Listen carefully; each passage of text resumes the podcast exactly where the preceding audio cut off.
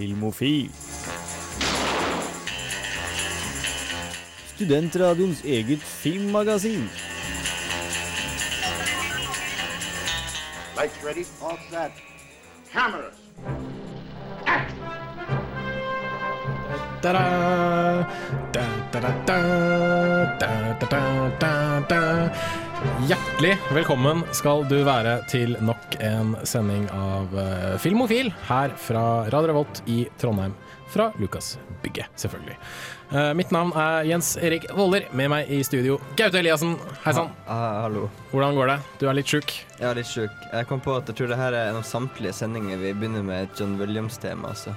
Ja, vi har hatt mange av dem. Vi har starta med litt Supermann og litt Star Wars og alt mulig annet rart.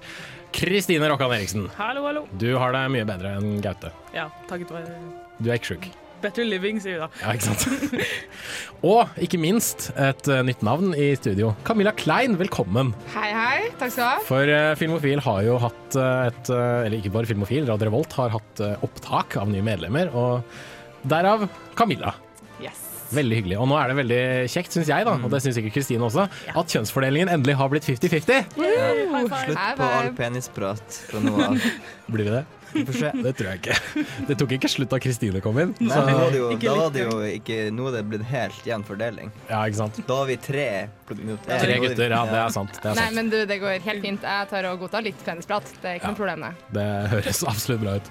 Men eh, ja, som sagt, i dagens sending av Filmofil skal du selvsagt få alt uh, som er godt innenfor filmens verden. Du skal få litt filmnyheter, vi skal anmelde kinopremierer, bl.a. to norske filmer. Du skal få ukas filmlåt, og du skal få videonytt, og du skal få- serieanbefalinger. Og jeg har tatt med meg en godslig liten uh, britisk uh, serie som jeg tror de fleste liker. Og ikke minst så skal det bli litt eh, filmlåt, og vi skal snakke litt mer med Camilla etter hvert også. Men eh, jeg tror rett og slett vi bare lar John Williams sakte, men sikkert forsvinne inn i bakgrunnen. Og så kjører vi i gang med litt eh, Fiddler med Cheap Beer her på Filmofil på Radio Revolt FM 100 106,2.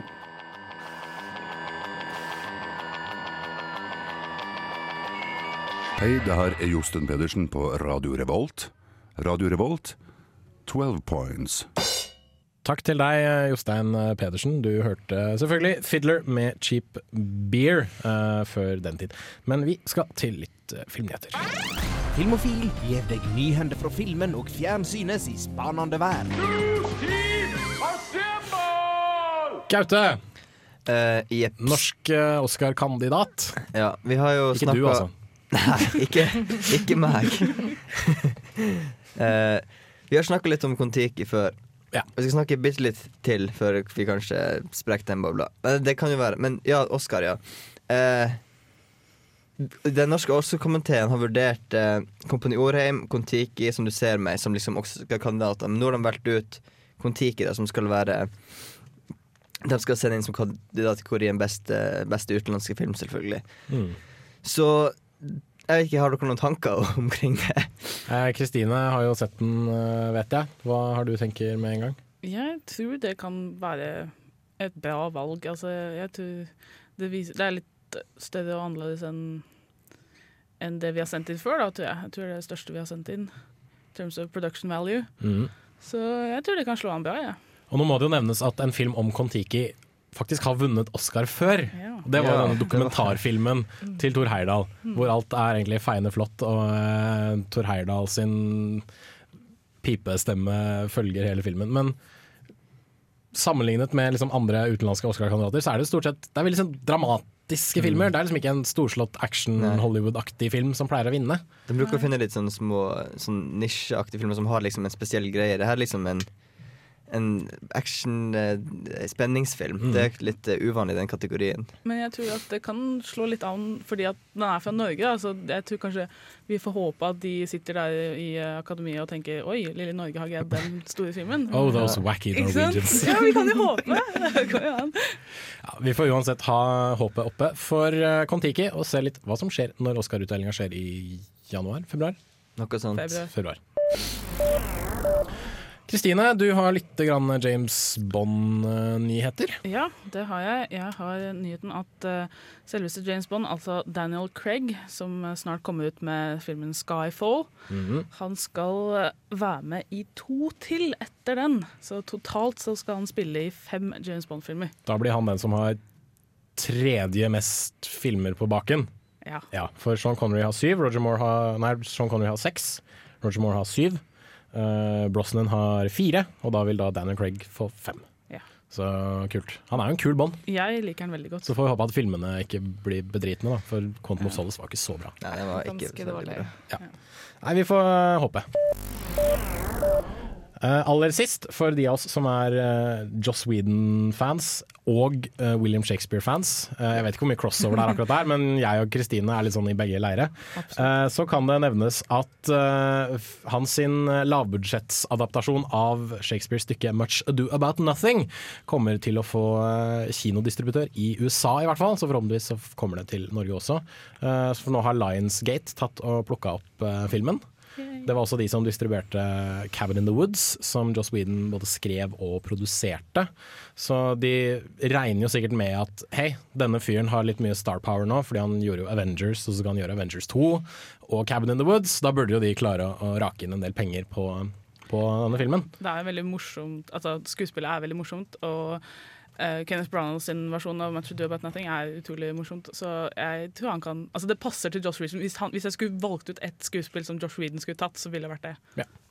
Og eh, filmen går jo eh, rundt i filmfestivalen i Toronto akkurat nå, hvor den har fått faktisk veldig mye gode omtalelser.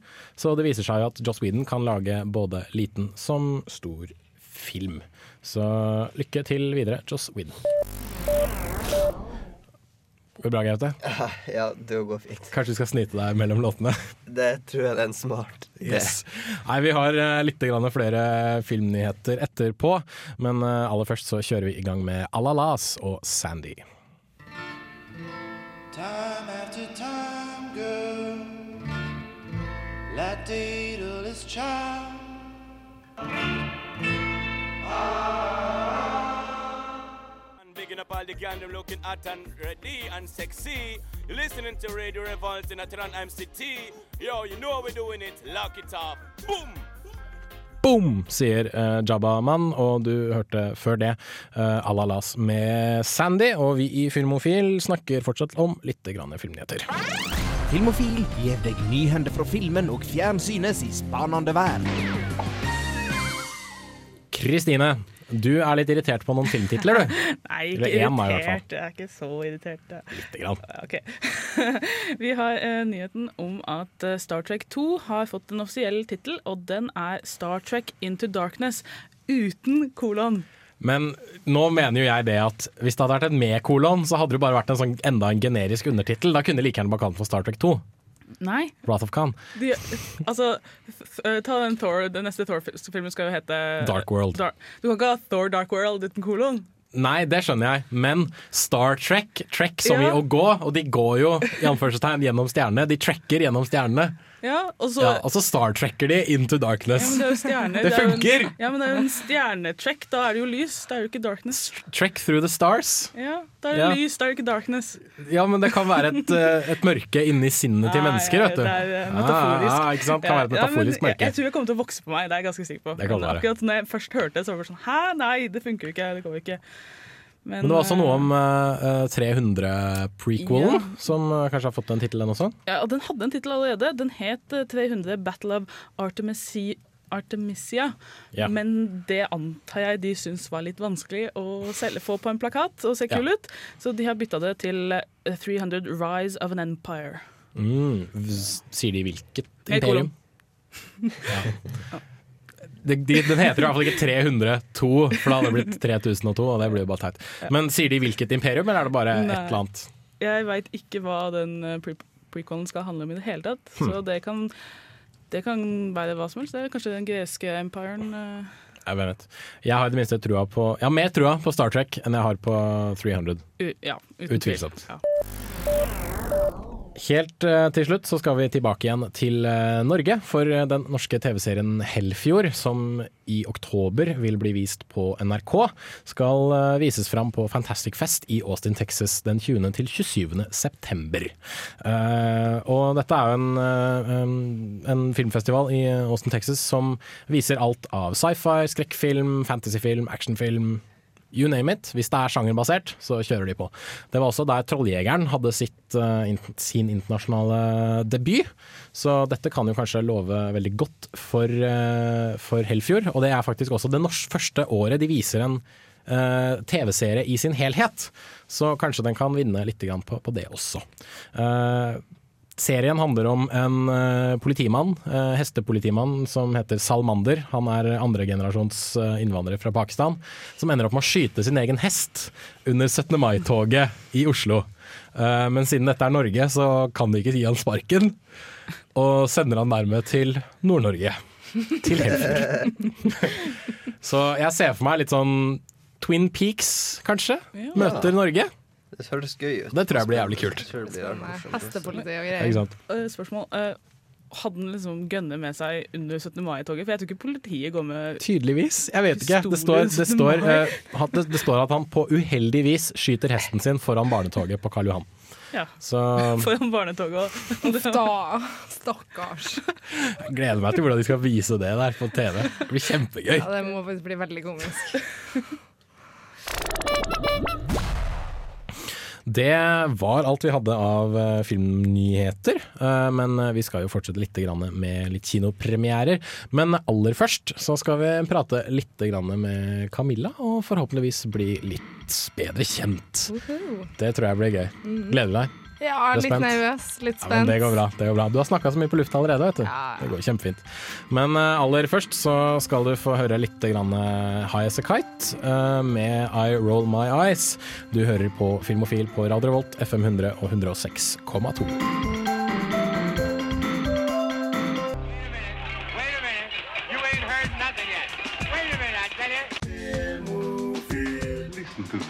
Wait a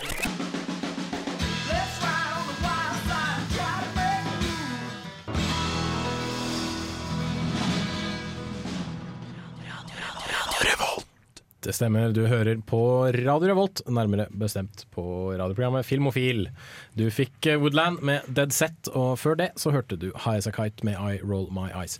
Uh, vi skal snakke litt grann med Camilla, men akkurat før jeg gjør det, så må det bare nevnes at mens vi spilte disse låtene her, så kom det inn en uh, pressemelding om at, en sjokknyhet om at Tina og Bettina har bestemt seg for å saksøke VG. Uh, fordi VG ga Tina og Bettina en terningkast to, altså filmen. Eh, Så hvordan to fiktive figurer kan saksøke en avis, det vet jeg ikke, men dette er vel et PR-stunt. Uten tvil. Ja. Hallo. Norges største avis, Norges verste drittfilm. Ikke sant? Det, og for så vidt norsk, den største norske drittavisen vi har. Altså, det balanserer seg litt opp, da. Det gjør det. Ja. Men eh, fra VG og en skikkelig drittfilm til eh, vårt nye medlem. Hei, Camilla. Hei, for en introduksjon. Ja, ikke sant? Eh, ikke at jeg sammenligner deg med VG eller, eller Tina og Bettina, men eh, velkommen igjen. Jo, takk du. Takk Eh, du. vi må jo få vite litt grann eh, mer om deg, så da kan jeg spørre rett ut. eh, hva er ditt tidligste filmminne? Jeg tror eh, det starter, som det gjør til de aller fleste i vår alder, med Disney-filmene. Yes. Tror første filmen jeg virkelig husker at jeg så på kino, var vel kanskje uh, 'Løvenes konge'. Uh, tror jeg er ganske gjenganger. Vet du hva, det er det faktisk. Jeg tror de aller fleste jenter svarer 'Løvenes konge'. Jeg vil ikke det. Uh, bortsett fra deg, da, men du er eldre enn oss. Uh... Men nå er jo 'Løvenes konge' en veldig veldig, veldig god film. Så Altså, den satt satte jo absolutt standarden. Det gjorde den jo. Eh, jeg husker at Helene, da hun var ny, eh, hun eh, sa også 'Løvenes konge'. Mm. så det er absolutt god film. Men hvordan er du på liksom, filmsmak generelt? Hva, hva liker du å se? Uh, relativt altetende, egentlig. Jeg syns det finnes god film i alle sjangre. Uh, selvfølgelig enkelte ting som stikker seg ut mer enn andre. Uh, Som for eksempel jeg er veldig, veldig glad i mafiasjangeren. Eh, det går mye i det, mm. helt klart. Um, forutenom det så er et godt drama alltid veldig velkomment. Uh, ikke noe spesielt glad i skrekkfilm. Eh, ikke fordi at jeg ikke ser verdien i dem i det hele tatt, mer bare at jeg er veldig Jeg, jeg syns ikke det er så veldig gøy å bli skremt. Nei. Det er jo absolutt lov, det. Det syns ikke jeg heller. Så, men jeg så eh, Jeg så Alien igjen nå, da, eh, før jeg skulle dra og se Prometheus. Og da koste jeg meg veldig. Jeg syns det var veldig gøy, faktisk. Jeg skvatt, og jeg flira litt fordi at jeg skvatt, så jeg ble litt overraska av meg sjøl. Så eh, det blir kanskje litt flere skrekkfilmer fremover nå. Er det noen uh, type filmer du bare absolutt ikke kan fordra, eller om det er én film du absolutt ikke kan fordra? En typisk sjanger som jeg virkelig ikke liker, er de hysteriske komediene hvor absolutt alt går galt hele tida. Uansett. uh, så bare utvikler det seg verre og verre til det ekstreme. Plutselig en papegøye der, så er huset på fyr, og så kommer politiet, og så Ja. Det høres litt ut som du snakker om filmen Project X, som gikk på kino for ca. et halvt år siden. Faktisk ikke den. Jeg tenkte mye mer på den der My Boss's Daughter med Ashton Kutcher. Uh, den type film. Jeg syns helt klart at uh, en del sånn der type komedier kan ha sine lyspunkt, men det er ikke en sjanger jeg er veldig glad i. Og det ender opp med at jeg må slå av ganske mange sånne typer filmer. Da tror jeg du har en eh, ganske spennende framtid i Filmofil, for det er mye, mye film å anmelde, og ikke alt dessverre er like bra. Nei, men det er lov å gi noen eh, dårlige anmeldelser òg. Det er det. Yes. Og, eh, det er lov- eller hell- heller lov å gi noen dårlige karakterer, Ja. eh, for det fins jo ikke dårlige anmeldelser. Eller du og det, altså, men Anywho, eh, jeg tror du kommer til å like deg. Hva tror du? Absolutt. Så bra. langt, så bra. Og eh, som så mange andre i Filmofil eh, gjør, når de først blir med, så har de jo også anmeldt en eh, film. Mm. Eh, den norske filmen 'Som du ser meg'. Det skal vi få høre litt mer av eh, etterpå. Yes. Så får du eh, som hører på, bare lene deg tilbake og nyte litt eh, Calexico med Algiers her på Filmofil på Radio Revolt.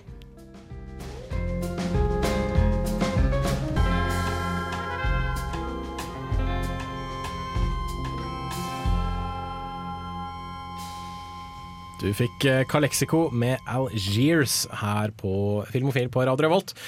Og nå skal vi helt i gang med ukas kinopremierer. Og eh, du Camilla er først ut i ilden. Yes. Hvordan er det å ha anmeldt sin første film? Du, det var veldig, veldig skummelt. Det var veldig gøy å kunne dra på en sånn type premiere og alt sånt der.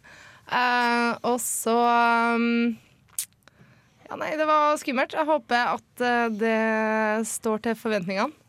Da får vi se, da. Her får du Camilla sin anmeldelse av den nye norske filmen 'Som du ser meg'.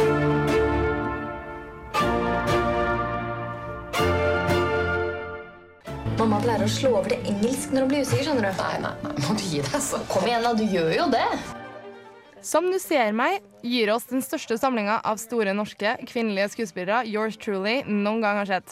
I et karakterdrama om tre damer med lite til felles, bortsett fra at de bor i samme blokk, som møter utfordringer i form av jobbkonflikter, klasseforskjeller og et spørsmål om integritet. De kommer alltid til å forvente at hun skal være takknemlig for det. Og det kommer til å tyte takknemlighet ut av øra hennes. Hun kommer til å lage så mye stikkelsbærsaft at det hjelper. Vi følger en forfatter som skal lese inn romanen sin på lydbok. Ettersom vi begynner å lese, blir vi introdusert for bokens karakterer, de tre kvinnene som bor i samme blokk. Vi blir først kjent med Lise Gundersen, spilt av Laila Goody, en konfliktsky sykepleier som har en lei tendens til å slå over til engelsk i stressende og ubehagelige situasjoner. Og det er nettopp det som skjer når hun får i oppgave å veilede en praktikant. Excuse me. Vasket du hendene nå? Det er viktig at du vasker hendene før du forlater skyllerommet. Ja, jeg gjorde det. But I just don't see how you could have managed to do it in such a short time. Ragnhild Hilt spiller en eldre og anerkjente oversetteren Grete Magré. Når den nye redaktøren hennes vil at Grete skal oversette en bok hun ikke kan stå inn for, og best kan beskrives som overflatisk søppel, blir hun satt i en situasjon som går på integriteten løs. Hei, det er du som er rett med Hva med debutromanen hennes, da? Jeg har veldig lyst til å få oversatt den. Jeg tror ikke jeg er den rette til det. Med Ann-Kristin, for øvrig spilt av Henriette Stenstrup, følger vi bokas og filmens siste historie. Ann-Kristin og hennes mor Inger blir satt i en ubehagelig situasjon når noen rike slektninger vil gi Inger en stor pengegave. Det blir en omfattende diskusjon om stolthet og pengers verd. Ja, så det ble jo plutselig veldig mye penger, da. Vi hadde tenkt å gi deg én million. Alt i alt en film om gode mennesker som mener alt vel, men som har en tendens til å misforstå og såre hverandre.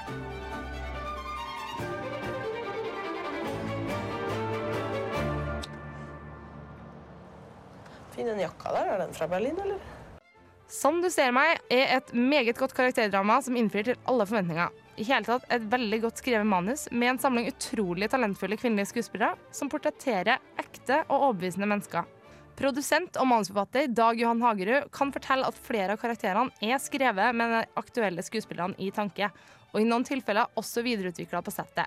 Noe som helt klart hjelper å gi en ekstra troverdighet til karakterene. Skal ikke være redd for alvoret, skal du det? Nei, kan ikke feil. Nei, stikkelsbærsaften, nei, du er ikke sann. Er ikke det typisk deg? Se her. Vi kan finne mange eksempler på en slik måte å flette sammen et sett med historier i film.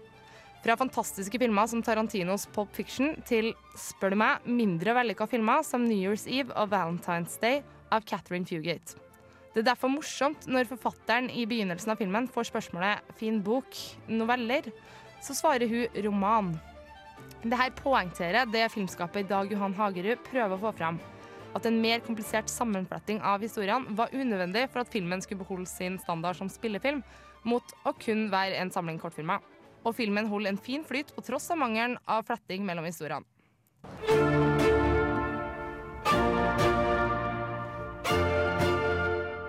En varm, rørende og utrolig morsom film om virkelige mennesker i virkelige situasjoner, som jeg tror vil appellere til et overraskende stort publikum. Den har òg høy nok kvalitet til å bli en film som kan sees gang på gang. Helt klart en av høstens aller beste filmer. Terningkast fem.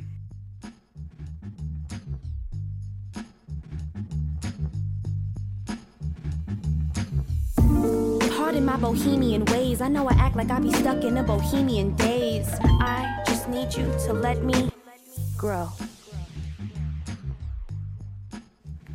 Nå Der skal vi se, der har jeg lyd, vet du. Sånn, der er det lyd. Jeg hadde sikkert alltid lyd. Jeg måtte bare skru opp på telefonen. Det var i hvert fall 90 Scott MC med 'Flower Child', eh, featuring Kendrick Lamar. Jeg tror faktisk vi har spilt litt Kendrick, Kendrick Lamar i radioen Jeg vet før. ikke, Her var det i hvert fall en dame som rapper. Jeg kan ikke huske å ha hørt det før. Uh, før den tid så hørte du eh, Camilla Klein sin anmeldelse av 'Som du ser meg', som fikk en terningkast fem. Uh, jeg har selv sett filmen. Jeg kan egentlig underskrive at uh, jo, det er en veldig, veldig god film. Som eh, anbefales for de aller fleste. Mm. Uh, men det er jo flere filmer som kommer ut uh, på fredag. Uh, en av dem er animasjonsfilmen Paranorman. Den har også en av Radio Revolts nye medlemmer anmeldt, nemlig Jakob Vorkin. Han kunne dessverre ikke være her i dag fordi han har forelesning. Men han har da vært så elskverdig og laget en anmeldelse til oss. Time is running out. The witch's ghost is going to wake up tonight. And when she does, she'll raise the dead. I byen Blythe Hollow bor Norman Babcock. Han er ikke som andre gutta, for han kan prate med døde mennesker. Han er òg over gjennomsnittet interessert i zombier, har blitt mobba på skolen, og ingen andre enn nye vennen hans Neil tror på han. Dagen før byen sitt 300-årsjubileum for den tilsynelatende oppdikta myta om ei heks, møter Norman sin spesielle onkel, Mr. Prendergast. Mr. Prendergast kan òg se døde mennesker, og han forteller Norman om et årlig rituale som beskytter byen mot den sanne forbannelsen til hekse som ble brent på bålet. Meet Norman. Can't you be like other kids your age? His parents don't get it. His sister doesn't like him. You are such a loser. And the kids at school Look, it's abnormal. always pick on him. But he does have some friends. Norman, wait up. I like to be alone. So do I. Let's do it together. It's just that most of them Good morning. aren't exactly alive. Norman må lese en historie ved gravet til heksa for at hun ikke skal komme tilbake og vekke de sju døde som dømte henne til å bli brent. Ting går dessverre ikke etter planen, og 300 år etter at heksa Agatha blir brent på bålet, kommer hun tilbake i form av katastrofal storm og sju gjennomståtte døde. I hop med bølle Alvin, søstera Courtney, den tjukke og sjølironiske Neil og bror hans ber Normans ut på oppgaver for å stoppe forbannelsen. This summer, you don't become a hero Norman! Norman? This is so Norman. by being normal. Skuespillet med Cody Smith McPhee i førersetet er meget godt. Stemmene passer bra med karakterene og gjør seg et nært forhold til dem. Karakterene er gjerne stereotypiske, men i en film med mange element som jeg føler den har sett før, passer det strålende. Animasjonen er pen og har en hjelma gjennomført stil gjennom filmen. Den har noe Tim Burtonsk over seg, med overdimensjonerte kroppsdeler, urette linjer og skumle, men kanskje litt latterlige zombier. Jose er stilig, spesielt i zombiescenene, der den skaper en skummel atmosfære som passer godt i den typen film. Filmen er i 3D, og for en gangs skyld så er det positivt. 3D-en skaper ei dybde som i hop med animasjon gir filmen til glede å se på. Den beste scenen i filmen er definitivt møtet med heks Agatha. Jose og fargene er sterke, og i hop med musikken og stemmeprestasjonene skaper dette en storslått atmosfære. Følelsen til seeren blir en kasteball når Norman må forstå seg sjøl for å få den 300 år gamle hekse Agatha til å komme tilbake til sitt gamle jeg og forlate byen. Gotta use your gift of talking to the dead to stop it. This is crazy. Do I look crazy to you? Regissørene Chris Butler og Sam Fell har laget en god film som underholder stort.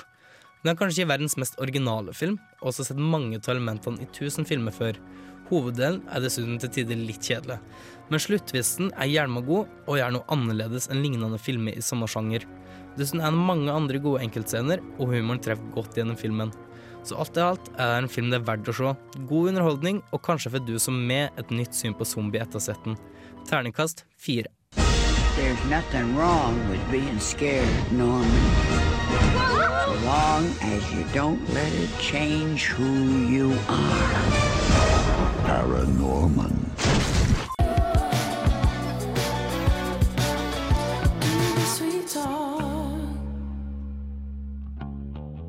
Du hører på Radio Revolt, studentradioen i Trondheim.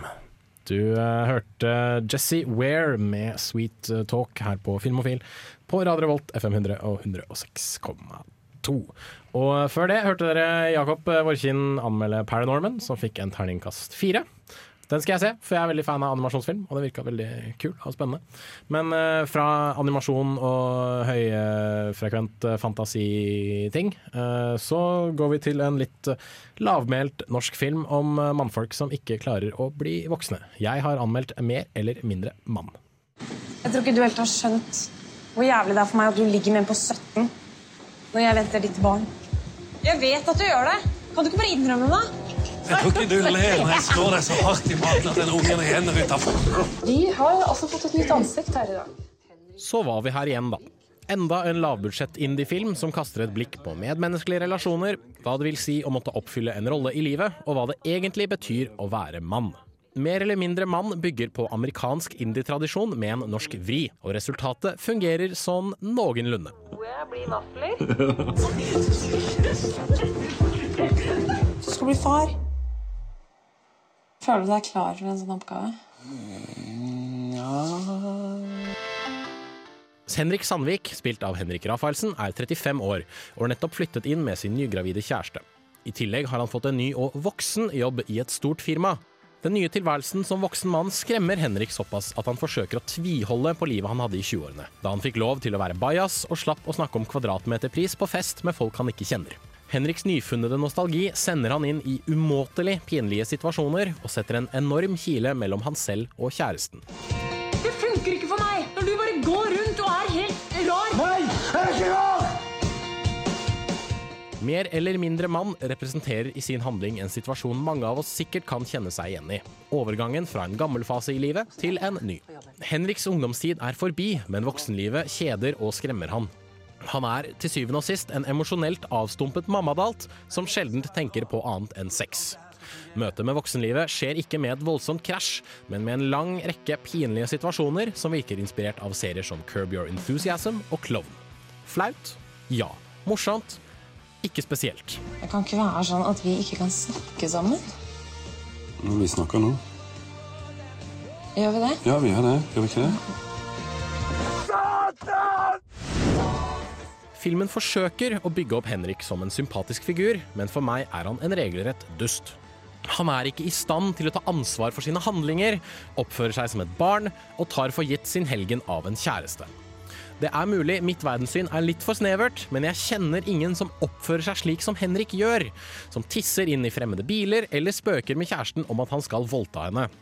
Sympatistrukturen faller helt sammen, og alt jeg føler er avsky, irritasjon og frustrasjon over Henriks oppførsel. Jeg tror det har noe med generasjonsforskjeller å gjøre. Henrik er 35, Selv er jeg bare 24. Det er stor forskjell i alder, og våre to liv er ganske ulike. Gjenkjennelsesfaktoren eksisterer ikke hos meg. Så hva skal man egentlig si om en film som Mer eller mindre mann? Dramakomedien er velspilt, til tross for de kleine situasjonene, og disse er alltid et resultat av hovedpersonens konfliktskyhet. Han er selv skyldig i det som skjer. Likevel er han som figur aldri spesielt troverdig, og situasjonene oppleves bare som dumme, aldri spesielt morsomme. Det vil nok være mange som vil finne enorme mengder subtekst og sosial kommentar i denne filmen, men for meg fungerer ikke dette som stort mer enn distraksjon som maler et feilaktig bilde av norske menn. Terningkast tre.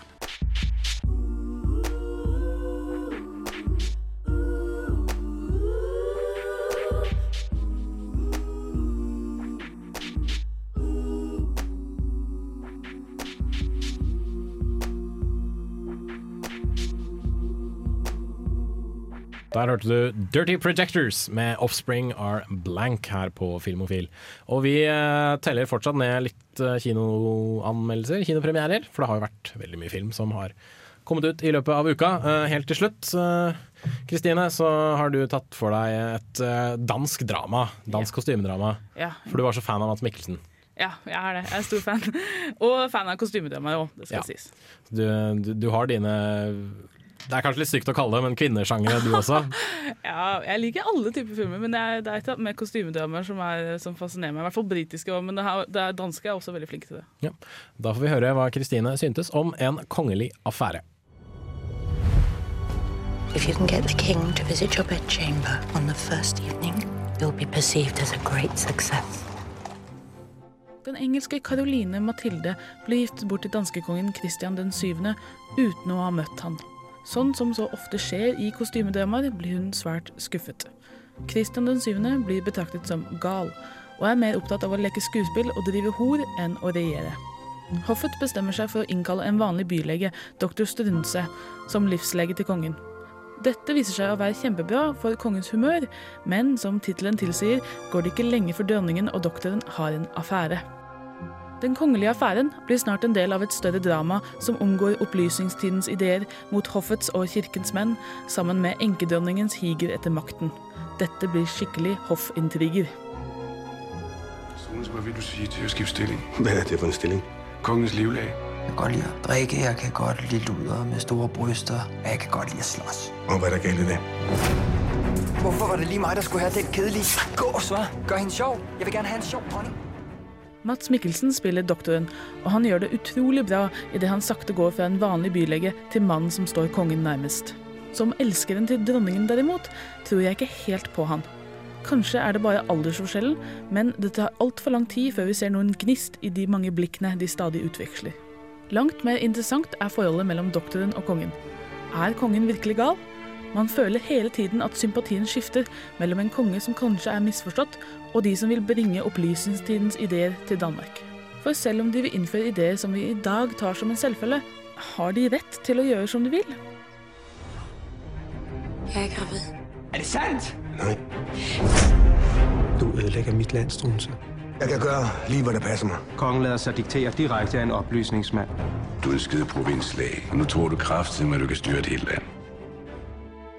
Filmen bruker nok derfor altfor lang tid på en affære som bare aldri når Guinevere og Lancelot-høyder. Når doktoren spør dronningen til dans, må man bare begynne å lure på om filmskaperne har sett et eneste kostymedrama før. Samtidig er det en klisjé for en grunn, og de gjennomførte kostymene og slottet rundt dem hjelper mye.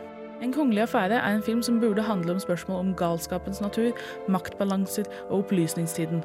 Kjærlighetshistorien er ikke spesielt interessant eller original. Du blir ikke altfor irritert på den, men filmen kunne trengt litt strengere kutting. Det skal sies at dette er en velkonstruert film med svært lett forståelig dansk som absolutt er verdt å få med seg hvis man er glad i kostymedramaer og hoffintriger. Ternekast fire. Jeg tror ikke, de selv er klar over, hvor mye innflytelse de har på Christian Strunse. Jeg tror, du kan bli en fantastisk konge, Christian.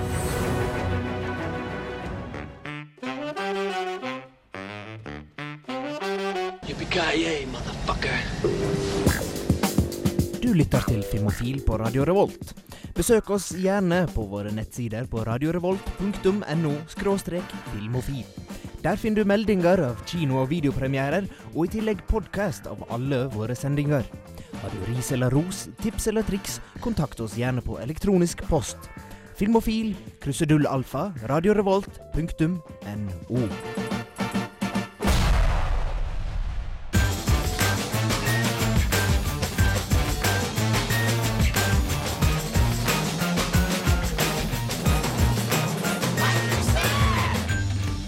radiorevolt, punktum, no. Play it once, Sam.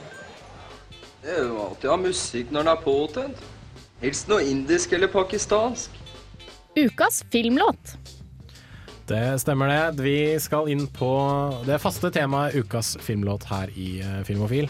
Og denne uka så har vi valgt, eller har jeg valgt, for det er jeg som legger opp sendinga hver dag. eh, hver uke. Hver dag. Hver uke. Og eh, gi den store æren til deg, Camilla. Og eh, følte du press da du skulle velge ut eh, din første ukas filmlåt? Uh, ikke egentlig. Ikke særlig. Det var bare å ta et som jeg liker veldig. Screw dere hvis ikke dere liker. Uh, jeg har et veldig sterkt forhold til denne filmsangen. Mm. Uh, generelt veldig glad i filmmusikk. Kan fort finne på å høre på bare det. Mhm. Så eh, Nei, det var veldig gøy. Takk for æren. Jo, Bare hyggelig. Hva er det vi skal få høre? Vi skal få høre eh, temaet til Gudfaren, eller mm. The Godfather om du vil, av Nino Rota. Nydelig, nydelig, nydelig musikk. Uh, og hva er det med gudfaren og ikke minst det her som gjør det så, så spesielt? Du sier at du har et nært forhold til det. Og du nevnte jo i stad at du liker mafia, Ja, nei, det her er min all time favorite. Jeg vet det er klisjé å si, men eh, det er ikke noe vits å lyge. Så jeg holder meg til det. Uh, beste filmen i hele verden, uten tvil. Uh, stor Mye på grunn av Marlon Brando, som er min absolutt favoritt. Uh, og Akkurat denne contender. Yes. Yes, Ja, det, er, det, er, den- det, er den, det er den beste Marlon Brando-parodien jeg klarer. Den er fryktelig dårlig. Du, den var ganske dårlig, ja. Ja. Ganske svakt. Ja. Men uh, du får jobbe litt med den, så blir det Jeg skal gjøre det. Uh, og jeg føler at denne sangen setter så ekstremt stemninga fra begynnelse til slutt på resten av filmen. Da kjører vi på med The Godfather Theme, Nino Rota. Ukas filmlåt her på Filmofil.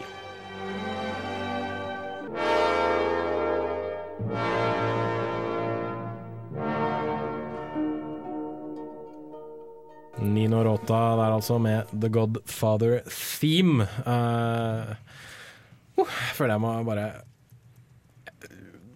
Ja. Ganske Fy fantastisk. fader, altså. Jeg føler meg beveget. Ja. Virkelig, altså. Uh, men fra be beveg emosjonell bevegelse til uh, litt uh, video. Vi skifter litt spor og ramper opp uh, litt. Grann.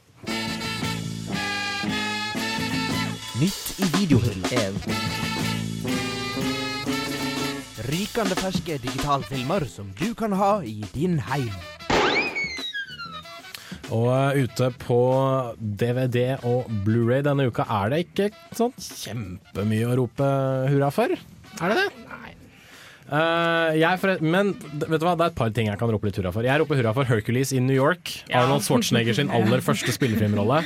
Hvor han spiller ja, halvguden Hercules. Går rundt og snakker som Arnold jo gjør, bare med enda kraftigere Arnold-aksent. Uh, og beste scenen i filmen er når han slåss mot en fyr i et bjørnekostyme og kaster han av gårde. Kjempemorsomt. Eh, filmen 'Leprechaun' med Warwick Davis, hvor han spiller en uh, ganske hevngjerrig, hevnlysten liten nisse. Også veldig morsom. En av Jennifer Anistons første filmroller.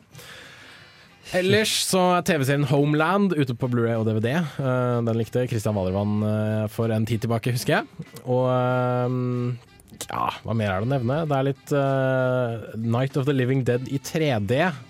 Eh, om det er Romero-filmen, det er det ikke. Det er noe annet skitt som kopierer. Jeg, jeg ser at Mr. Nobody er ute. Den har jeg sett, men jeg, jeg satt og tenkte over det, jeg husker ikke overhodet hva det handler om. eneste jeg husker om at det er Jared Leto er med i den. Det er det eneste jeg husker.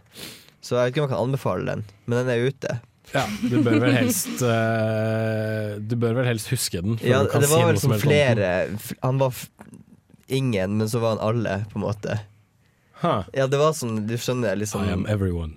Nobody. Ja, det er vanskelig å forklare. Men uh, ja, den Jeg vet ikke. Ja. For dere med barn så kan det nevnes at det er noe Mummitroll og noe Lokomotivet Thomas og noe Postman Pat-greier ute. Ja, men uh, ja. Postman Pat må nevnes til russ russetida òg, det er jo de som skal ha Postman Pat. Ja vel. Alle jo Er bare min generasjon som gjør det? Det kjenner jeg ikke noe til. Nå føler jeg, herregud, alle sånn standard russetid-greier, at du ser på Postman på Pat, og så shotter du hver gang bom gir. Ja, ja, ja, ja, Selvfølgelig. Nå kom det. Så det er, nyheter til russen.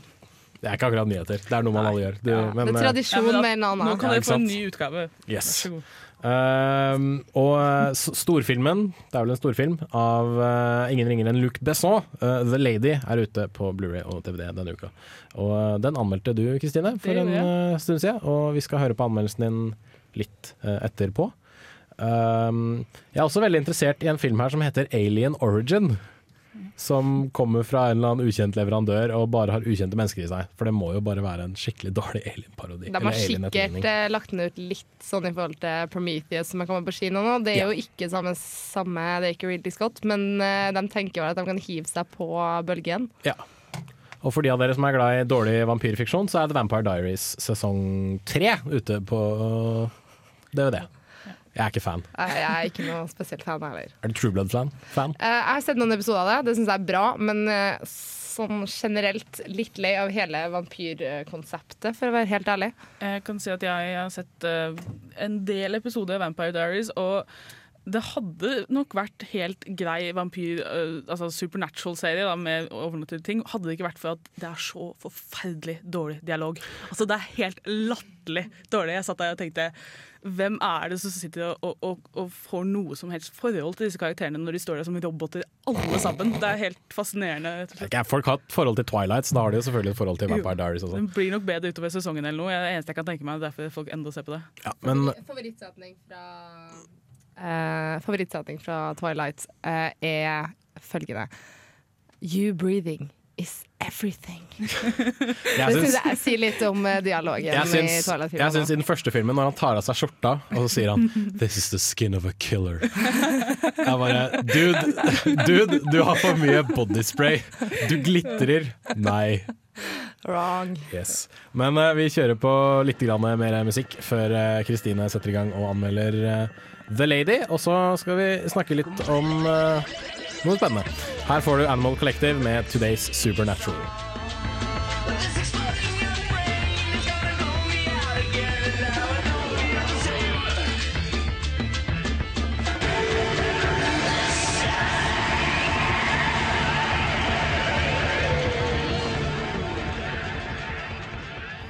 Animal Collective der altså med Today's Supernatural. Og hvis du klarte å plukke ut uh, tittelen fra teksten, så good on you, for det klarte ikke jeg. Men uh, ute på Blu-ray og DVD denne uka er Luc Bessons uh, biopic om Aung San Suu Kyi, som Heter det fortsatt Burma? Det heter vel fortsatt Burma. Hun bruker vel navnet Burma. Ja. Ikke eh, offisielt. Hun er leder i Burma, Ja. tror jeg. Faen, nå ble Jeg vet ikke om de har bytta tilbake til fra for, altså, de, de, de som styrte landet, kalte jo landet for Myanmar. Men hun brukte alltid Burma, for Ja. hun mente det var korrekt. Så jeg er ikke helt sikker på åssen det er akkurat nå, eh, offisielt. Men da sier vi bare at Kristine Kristine har tatt en kikk på Eller så den filmen da den hadde kinopremiere. Så her får dere hennes anmeldelse.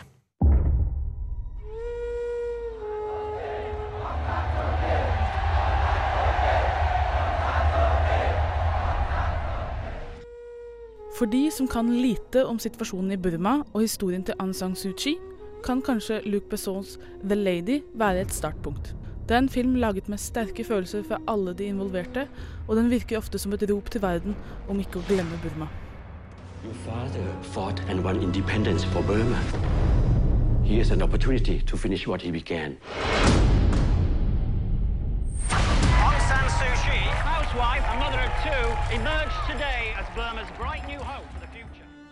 The Lady følger ikke bare tittelrollen, selv om vi begynner i hennes barndom med drapet på hennes far, general Aung San. Historien fokuserer også mye på hennes britiske mann, Michael Arris, og deres to barn, og hvordan de sliter uten henne mens hun reiser Burma rundt for å promotere demokrati. Filmen inneholder sterke scener med vold mot sivilbefolkningen, og en utrolig reise rundt et vakkert land, men det er hovedsakelig en personlig historie om Aung San Suu Kyi, hennes kamp og hennes familie. Still no sign that the Burmese military will release Aung San Suu Kyi. We, her family, are denied any contact with her whatsoever. Luc Besson er for meg best kjent for sine dritbra actionfilmer som The Fifth Element og Taxi-filmene. Og sånn sett er det ikke overraskende at det er scener med litt action som virkelig fungerer for meg. Det at det er en ekte historie, gjør det hele utrolig urovekkende å se på, men det er også derfor den er viktig å se. Hele filmen er bra laget, selv om jeg noen ganger føler at det burde blitt gjort litt strengere valg. For noen vil kanskje synes at filmen kaster et for stort nett, og at hoppingen frem og tilbake mellom Burma og England ikke helt fungerer. Aung San Suu Kyis historie er absolutt viktig å fortelle, men ekte liv er aldri lett å stappe inn i velfungerende narrativ. For en som er i hvert fall litt opplyst om saken, kan over to timer bli litt langt. We have always shared a common dream for Burma. I have always considered it to be the very thing that bound us. Every day brings new atrocities. They were picking people up and taking them away. Where are they taking them? Det som virkelig gjør filmen til noe spesielt, er Michelle Yeoh. Hun blir rett og slett Aung San Suu Kyi. Det er nesten litt ekkelt. Hun fremstiller The Lady som en som er villig til å ofre alt for at hennes hjemland skal få demokrati, og hennes folk menneskerettigheter, men hun er enda et menneske som ikke tar noe av det lettvint. Hennes mann spilles av David Thulis, og selv om han ikke kan være aktiv i kampen på samme linje som hans hustru, står han ved henne i alt hun gjør. Det er en film der personlige forhold må vike for en viktigere sak. Her kommer vi tilbake til noe av valgene filmen gjør, for jeg savnet litt ordentlig innblikk i situasjonen til sønnene hennes. De er nærmest som statister i hennes liv. You are the only person who can lead Burma into democracy now. How long are you going to be away? A week, or maybe two. The Lady er en vellaget film som jeg tror mange burde se. Den er fremstilt, og den føles som en viktig film, både for de som har laget den, og for vi som ser den. Som film er den veldig bra, men litt lang og med litt vaklende fokus. For meg gjorde slik småpirk ikke så mye. Jeg lot meg selv falle inn i Michelle Siaas utrolige transformasjon, og ikke minst de utrolige landskapene og folket i Burma. Terningkast fem.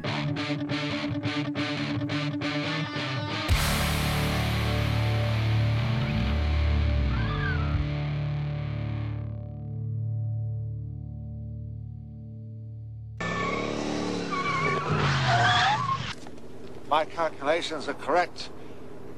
When this baby hits 88 miles per hour, you're gonna see some serious shit. Du hører på Filmofil på Radio Revolt. What did I tell you? 88 miles per hour! Ja, godeste Doc Emmett Brown eh, kan få sagt det. 88 miles per hour. Vi eh, kom litt inn på dette mellom låtene om Eller ikke mellom låtene, mens låtene spilte, med rare filmtitler. Og så satt vi egentlig bare og søkte opp på nett eh, på, kollekt, eller på respektive PC-er og fant egentlig ting som er ganske teit. Eh, Jeg vet nesten ikke hvor vi skal begynne. Altså. Ok da, eh, For eksempel, filmbyen.no har en topp 10-liste med merkelige filmtitler. Og jeg vet du hva, jeg bare kjører på med nummer én med en gang. Night of the Day of the Dawn of the Sun of the Bride of the Return of the Revenge of the Terror of the Attack of the Evil Mutant Alien Flesh-Eating Hellbound Zombified Living Dead Part 2 in Shocking 2D. Wow. Men eh, Wow. du, Kristine For vi snakka litt om uh, filmer som har tittelen 'Hjelp' et eller annet. ikke sant? 'Hjelp, vi er i filmbransjen', 'Hjelp, vi er russ'. Eh, og så hjelp, altså 'Airplane' ble jo 'Hjelp, vi flyr'. Mm. Men du fant en som, som var veldig rar. Ja, Det er en film fra 1985 som heter 'Volunteers' på engelsk. De frivillige, ja. ja. Det er helt greit. Men på norsk så ble det da oversatt til 'Hjelp, vi får hjelp'. Vil er liksom the epitome av hjelptitlene, hjelp-titlene, vil jeg si. Ja, det, Jeg tror nesten ikke 'Hjelp, vi er i filmbransjen' eller noe som helst at man klarer til å slå den. Eventuelt den norske oversettelsen av 'This is Spinal Tap'. eh, 'Hjelp, vi er i popbransjen'. Så hei. Eh, men det var også noe med den kinesiske oversettelsen av 'Pretty Woman'. Ja, det var ganske herlig. Eh, På kinesisk så heter det altså Pretty Woman 'Jeg er rik, men jeg liker billige horer'. Camilla, du sitter uh, fordypt inni PC-en din. Har du funnet noen uh, morsomme filmtitler? ekstremt, ekstremt mye rart. Du har liksom fra da, Hva var det her? En dansk godbit her. Uh, Die Hard with the Vengeance. Die Hard Megahard. Den er jo Det høres ut som pornofilmparodien. pornofilmparodi. Ja, ganske sterk tittel, altså. Uh, og ikke minst Die Hard, den første Die Hard på norsk. Aksjon skyskraper. Klassisk. Mm, med ting som går opp i lufta bak eh, godeste John McClain. Og uh, ja, det er jo alt Jeg vet liksom ikke helt hva jeg skal gå for. Eh, Attack of the Hungry Hungry Nipples. Det, ja. Jeg lar den henge. Dis Disco Beaver from Outer Space. Um, the Incredibly Strange Creatures Who Stopped Living and Became Mixed Up Zombies. Det høres ut som sånne filmer som jeg vet ikke, Abed Community ville se på. Ja, ikke sant? Som Kick Puncher 3. Punch Kicker.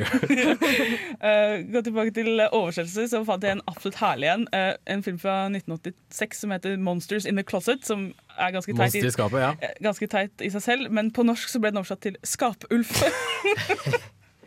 som ja, gir et helt annet bilde av hva filmen handler om. Skapulf? Altså, er, er, dette en Albert Aaberg-film, eller? Bildet er ganske Plakaten er liksom av en hånd med svære klør som det er kommer ut av et skap. Det er, det er en skrekkfilm, Men- så vidt jeg forstår. Det er vel skapelsen som kommer ut av skapet på bildet, da. Ja, det må jo være det. Han så veldig Det skummel ut. handler vel om monsteret Ulf, da. altså det, det står liksom bare at folk blir funnet, Det står folk og en hund blir funnet død i deres skap. Eh, og så en reporter som må finne ut hvorfor. Herregud. Så. Nei, vet du hva? Jeg tror vi må roe ned litt og høre litt grann mer musikk, så kan vi kanskje ta opp tråden eh, etterpå. Vi, det var feil knapp! Feil knapp! Nå fant jeg riktig knapp. Tjoho! Det er ikke alltid like enkelt når man kjører teknikken og sitter og ler seg halvt i hjel. Jobba, da. Hm? Du er veldig flink. Jo, takk. Jeg prøver.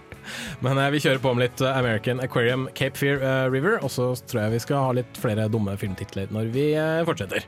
Så her får du Cape Fear River på Filmofil Radio Revolt. Well, I was born in the valley of the Cape Fear River, about a 30 minute drive to the south of Virginia. The North Star of this great state, at least that's what the sign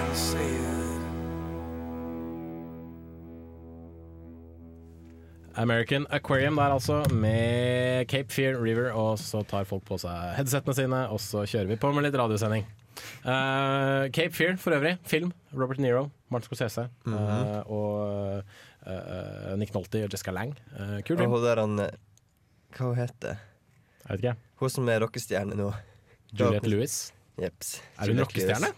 Ja, hun, hun er, jeg tror hun har lagt opp som Film hun var nå på Buktefestivalen i Tromsø for to eller ett år siden. Vet du hva, Det tror jeg lurte henne, for skuespillerkarrieren hennes var Hun var ikke spesielt god skuespiller. sånn Nei. Hun er ikke spesielt god rockestjerne heller. Nei, det overrasker meg strengt tatt ikke. Men uh, vi var jo inne på teite filmtitler, og da kom vi litt inn på ja, teite oversettelser, rett og slett. Og da er det jo min personlige favoritt fra Blue Velvet. Fuck you, you fucking fuck. Faen ta deg, din nissetass.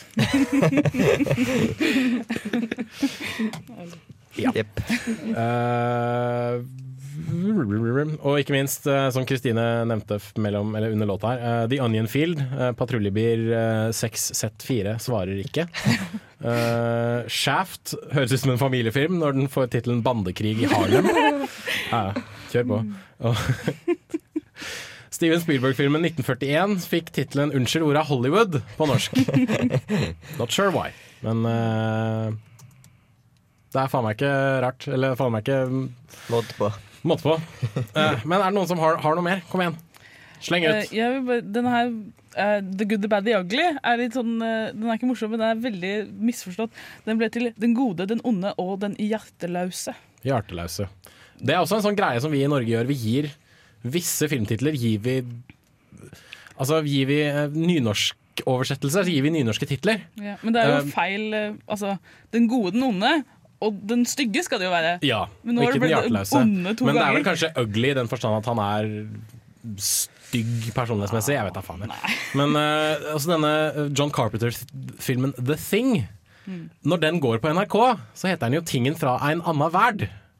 Ja. Som jeg syns er litt Det er i hvert fall jeg, da. Jeg, ja, ikke sant? Det høres litt ut som en barnefilm. Kanskje noe fra Disney. Uh, ikke nødvendigvis noe fra John Carpenter. Um, George of the Jungle, Georg den gærne lianesvinger. Det er i Danmark. Eh, wow, her fant jeg Hva, med den her, for eksempel? Da? Eh, White Lightning, Spikeren i bånn, McCluskey. Der kom det ut, vet du. Spikeren i bånn. Uh, as good as it gets, på livets lyse side, på norsk. Mm. Uh, på kinesisk herr kattebæsj. De, er bare tuller på de kineserne. Det er ikke noe seriøst. Ellers er det noen som er veldig dårlig kinesisk, som har oversatt tilbake til norsk. Ja, Ja, det Og er um, The Piano, uh, på kinesisk, fordømt! Jeg skal hakke av deg fingrene. Og sist, men ikke minst, Blair Witch Project, Natt i trang skog. Det er jo beskrivende. Ja, men det da! Jeg kanskje okay, de ikke har et ord for det. Jeg vet ikke, Blair Ja, men det er jo Kina, de har sånn fem forskjellige språk. Nei, har de ikke det? Uh, nei, vet du hva? Uh, jeg tror kanskje vi slår en eh, strek for teite filmtitler. Men vet du hva? bare google ting, så finner du det. Det er alltid, alltid veldig morsomt å eh, høre på. Og lese, ikke minst. Og trenger du en skikkelig latterkule før du ser en alvorlig dramafilm, så er det bare å se hva den heter på kinesisk, så tror jeg du får deg en, en eh, god vri på hva filmen egentlig handler om. Eh, men eh, vi skal anbefale litt TV-serier etter hvert. Det er jeg som har tatt med meg ukas serie. Det er nok en britisk komedie, for det fins ikke bedre komedier enn de britiske. Enig. Enig. Det ristes med hendene for å vise enighet her. Aller først så kjører vi på med Fader, altså! Du skal lære av dine feil. De er rett ved siden av Third hverandre. time's the charm. Der. Det er ikke 90s sitcom-flashback. Den skulle jeg heller ikke ha. Jeg skulle ha Hallo, vi må få oss teknikere, Ja, det må vi pokkeren meg gjøre. Nei, vet du hva. Vi uh, gjør sånn, og så spiller vi litt uh, Ungdomsskolen med Aske fast. Og så tror jeg vi klarer å finne ut av ting litt etter uh, hvert. Så kjør på Ungdomsskolen.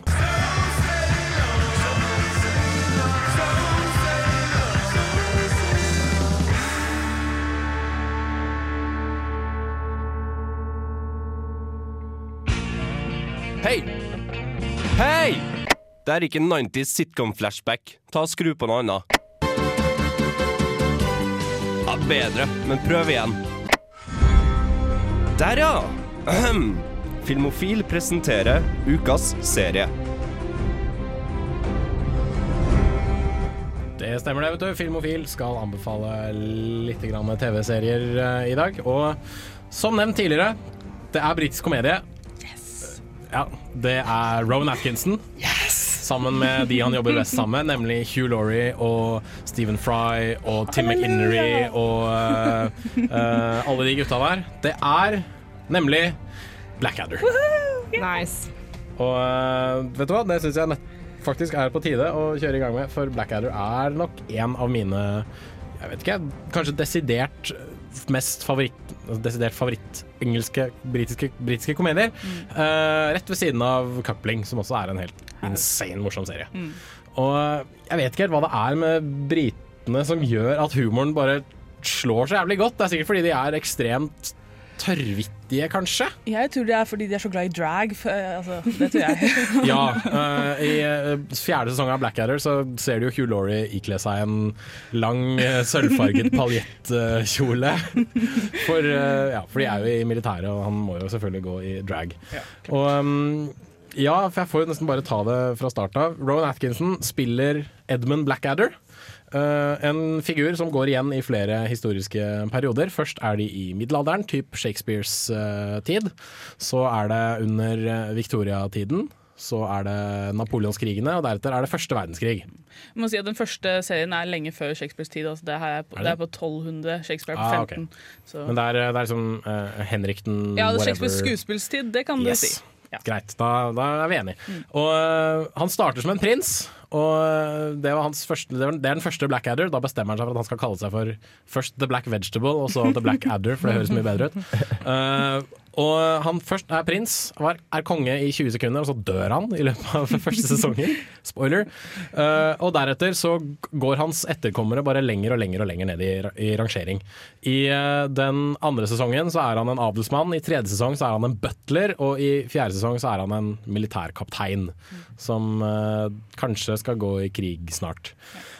Men tørrvittigheten er der fortsatt, og de er jo alltid eh, veldig flinke til å snu seg unna diverse situasjoner som, eh, som eh, hender med dem. Men jeg har med et par klipp fra serien, så jeg tenkte aller først Dette er fra fjerde sesongen til Blackadder, å spille av lite grann. Her kommer general Melchett, som spilles av godeste Stephen Fry, kommer inn i skyttergraven til Blackadder. Hans uh, løytnant George, spilt av Hugh Laurie, og ikke minst Private Baldrick, som for så vidt blir dummere og dummere for hver sesong som går. Uh, for enhver Blackadder så er det en Baldrick, og Baldrick er generelt en komplett idiot. General Melchett will be here at any moment. When he arrives, leave the talking to me, all right? I like to keep an informal trench, as you know, but today you must only speak with my express permission. Is that clear? Is that clear? Permission to speak. Yes, yes, absolutely. Yes, Attention! Duck out! Attention! Hmm. Excellent. At ease. Now then, Blackadder, where would you like me to sit? I thought just a simple trim of the moustache today, nothing drastic. No, sir. We hear about the paintings. Oh, yes, of course. Good Lord, George! How are you, my boy? I said, how are you? Permission to speak. Oh, no, Absolutely top holes are with a ying and a yang and a yippity-doo. Splendid! And your Uncle Betty sends his regards. I told him you could have a week off in April. Don't want you missing the boat race, do we? Permission to speak? Certainly not. Permission to sing boisterously, sir. If you must. Row, row, row your punt gently down the stream. Belts off, trousers down, isn't life a scream?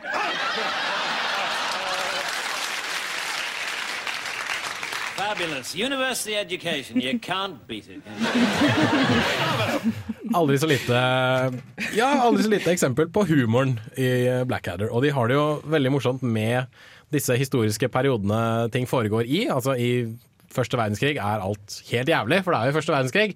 De slapp opp for dopapir to måneder siden, og så tørker de seg i rumpa med, med sånne moralboostende blekker som kommer i, i posten. De uh, drikker varm gjørme i stedet for kaffe, og ja, sukkeret deres er flass. Og custarden er eh, katteoppkast. Ja, ikke sant? Og det blir jo Det høres litt teit ut etter hvert, men av en eller annen grunn så er alltid Blackadder fullstendig kynisk. Og fullstendig uh, tørrvittig, og ikke minst fullstendig sleip. Det andre klippet jeg har tatt med, det er fra andre sesong. Her uh, blir han stilt opp i et hjørne og må sno seg unna. Han har fått besøk av sin tante og onkel, som er ekstreme puritanere. Gudfryktige mennesker. De drikker kun vann og spiser turnipser. Uh, så det er, dette er middagsselskapet han arrangerer. Og samtidig så skal han ha en skikkelig fyllefest på samme kveld. I samme hus. Så eh, det som plutselig skjer, er at en av Edmunds venner, en eh, munk med navn Farters Parters, eh, kommer løpende inn i rommet og eh, skaper litt haraball. No, this is only water. This is a house of simple purity. Bring booze up, Edmund!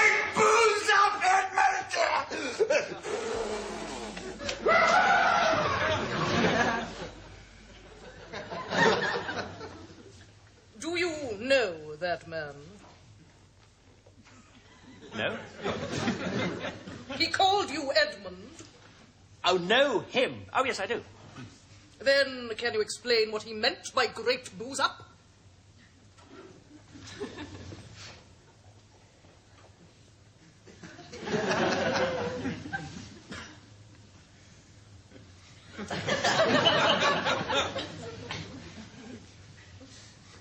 Yes, I can.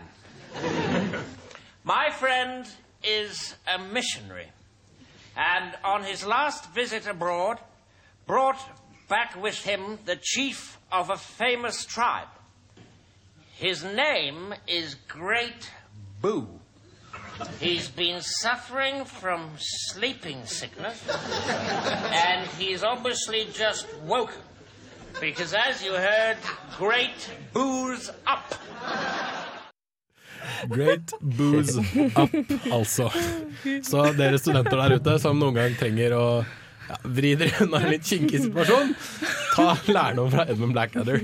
Går det bra, Kristine? Skal du ha litt vann?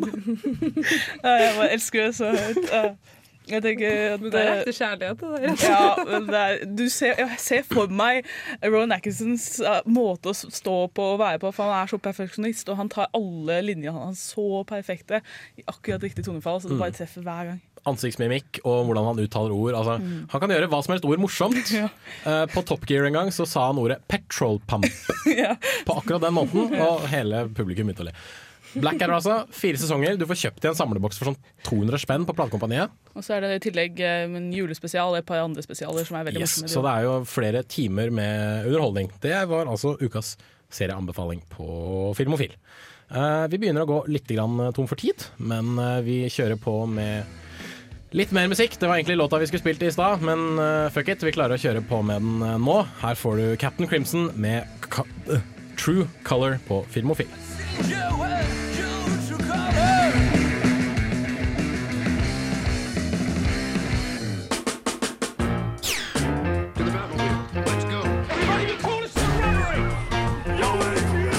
Dette er Filmofil. Film, fjernsyn, skuespillere, kamera, action. Ja, rubb og stubb her på Radio Revolt.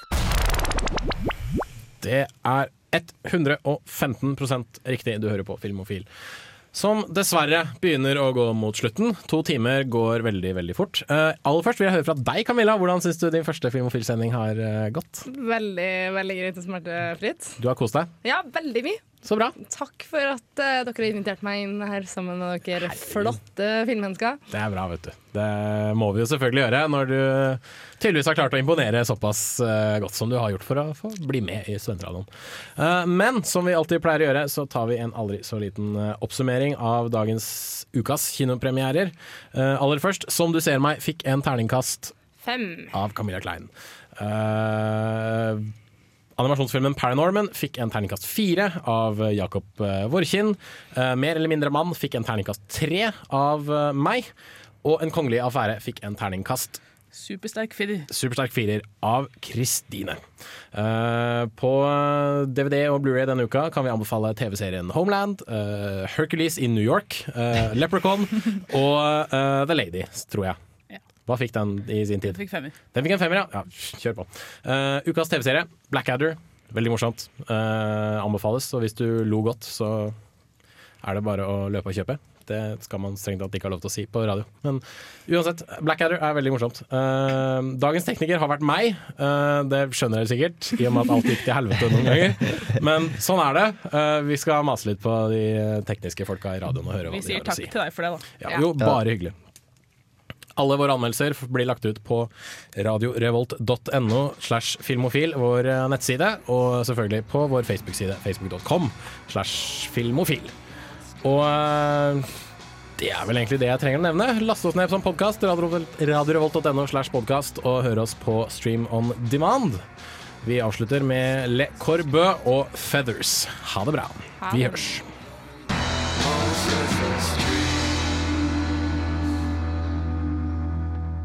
Roads? Where we're going, we don't need roads. Du hører på Filmofil på Radio Revolt.